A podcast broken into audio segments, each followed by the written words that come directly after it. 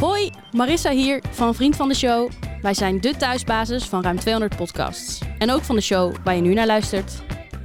Als je met plezier luistert, overweeg dan eens om vriend te worden. Dat kan al voor de prijs van een kopje koffie per maand. Het maken kost tijd en geld. En alleen met jouw steun kunnen zij onafhankelijk en regelmatig de podcast blijven maken. Iedere show begint klein. Dus heb je een duppie over? Ga naar vriendvandeshow.nl en word vriend. Vriendvandeshow.nl Bobby Dullehey, Rijkaard. Jansen. Kruif. Kruif. Nog altijd Kruif. Alleen. Kruif alleen. Ja, ja. Wat zou je hiervan zeggen? Ja, een klasse. Een werkelijk een klasse doelpunt. Een formidabel doelpunt opnieuw van Johan Cruijff. De goal opnieuw van een grootmeester. Hij komt van de linkerkant van het veld. En dan blijft hij bewegen. Dan heeft hij een schietkans, schiet niet. Blijft het overzicht houden. Komt er op een gegeven moment alleen voor de keeper. En dan een subtiele beweging. Ja, en wie kan zulke goals maken? Dat kan alleen maar Johan Cruijff. En in een aantal bonusafleveringen bespreken we een aantal posities zoals Cruijff die graag ziet. Johan Cruijff, die 25 april, afgelopen 25 april, 75 jaar geworden zou zijn. En in deze aflevering bespreken we de voorstopper. En die term voorstopper gebruikte Cruijff niet meer. Een speler op die positie is voor Cruijff een verdedigende middenvelder. Iemand die dus meer moet doen dan alleen een spits afstoppen. Een ontwikkeling die door de praktijk eigenlijk geforceerd is.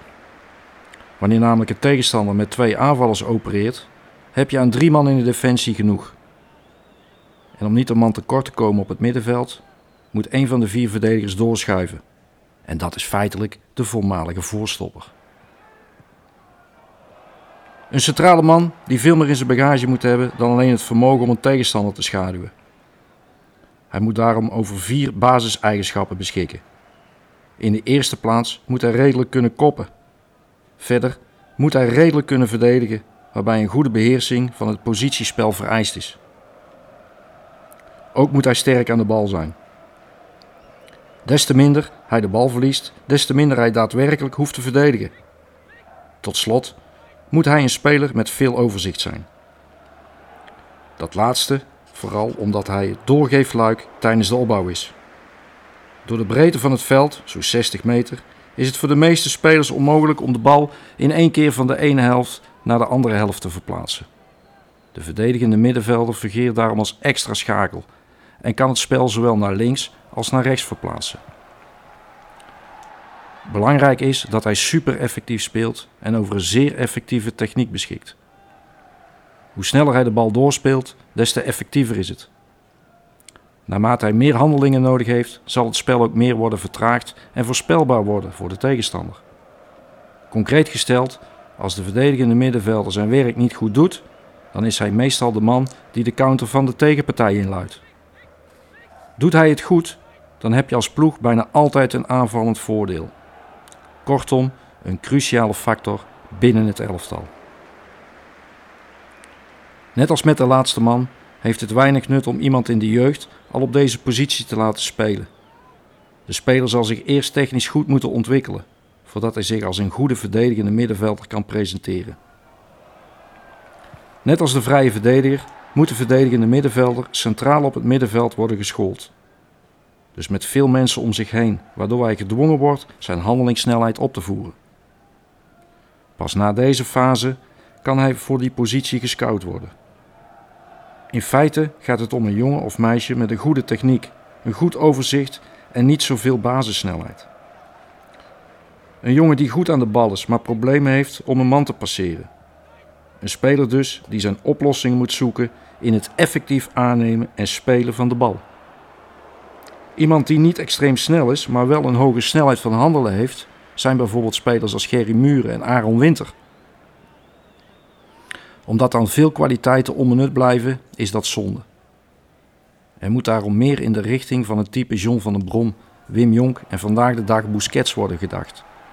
Die zijn niet echt snel, maar ze compenseren veel door efficiënt te handelen, dankzij hun goede techniek en overzicht. Natuurlijk zijn er varianten op deze visie mogelijk. Ajax en Barcelona hanteren een driemans defensie waarbij de voorstopper als verdedigende middenvelder fungeerde. Bij AC Milan werd weer met twee backs de vierde middenvelder.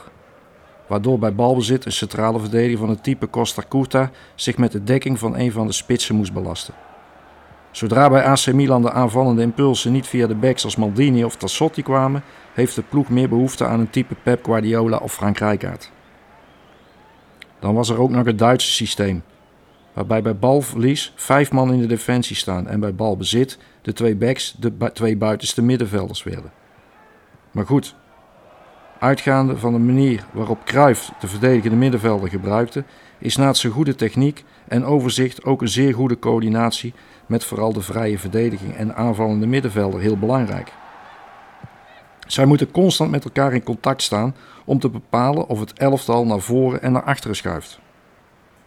Zo kan de voorstopper, de nummer 6, de verdedigende middenvelder, in zijn rol komen en samen met de vrije verdediger ervoor zorgen dat de spits van de tegenpartij zowel van achteren als van voren wordt verdedigd. Hij moet als het ware door de twee centrale mensen in de sandwich worden genomen. Een manier van verdedigen die niet alleen een goede communicatie vereist, maar ook een ijzeren discipline. Daarvoor is veel kwaliteit en heel veel trainingsarbeid nodig. Als je voor het eerst op gaat trainen, dan roept het bij de bewuste speler altijd veel vragen op. Het is cruciaal dat je als coach daar meteen goed op reageert. Vooral het idee dat de spits vrijloopt is even wennen. Het antwoord van de Kruif was altijd dat maar heel weinig aanvallers weten wat ze moeten doen als ze vrijstaan. Vanuit dat idee begin je dus te werken. Bij goed positiespel mag de onderlinge afstand tussen de verdedigende middenvelder en de vrije verdediger nooit meer dan 10 à 15 meter zijn. Daartussenin loopt de spits. Het is dan bijna onmogelijk om een lange pas door de lucht te geven en dat dat dan precies in die 10 meter valt en ook nog eens over iemand met een lengte van 1,80 wordt gespeeld. Wanneer de twee verdedigers goed haak staan, opgesteld, dan is het ook vrijwel onmogelijk om een lange pas langs de grond bij de spits te krijgen. Hoe de spits zich ook beweegt, er staat altijd een van de twee verdedigers op maximaal 4 à 5 meter afstand. Wordt een aanvaller alleen van achter gedekt, dan is het bijna altijd langs de grond aanspeelbaar en dat is precies wat er voorkomen moet worden. Let maar op, bij Barcelona komt de spits van de tegenpartij nooit aan het kaatsen van de bal toe. Wat door de jaren heen een soort hobby van Cruijff is geworden, is een aanvaller in voor hem een onnatuurlijke situatie te manoeuvreren. Zo zoekt een Britse spits altijd contact met de verdediger. Dus zorg dan dat er niemand staat. Het is grappig om te zien hoe zo'n aanvaller zijn richtingsgevoel verliest. Omdat hij geen verdediger voelt, kan hij zich ook niet oriënteren en niet onbelangrijk problemen opgelost. En niet onbelangrijk, het probleem is daarmee opgelost. Hetzelfde geldt voor het bespelen van een supersnelle en behendige spits als Wayne Rooney. Geef je zo'n jonge man dekking, dan komt hij tijdens de wedstrijd toch één of twee keer los. Geef daarom als opdracht aan de drie verdedigers dat de dichtstbijzijnde man Rooney verdedigt. In zo'n situatie is het belangrijk dat er niet op de tegenstander wordt gelet, maar op de medespelers en de onderlinge ruimte. Zoals veel bij het verdedigen met afstand te maken heeft. Door daar goed op in te spelen ben je in staat om met voetballende verdedigers een hele solide defensie te organiseren. Verdedig je 1 tegen 1 binnen een speelruimte van 5 meter. Dan is het ook voor een aanvaller bijna onmogelijk om goed uit de voeten te kunnen. Zolang je collega's zorgen dat de ruimte tussen jou en hun klein blijft, is het altijd safe.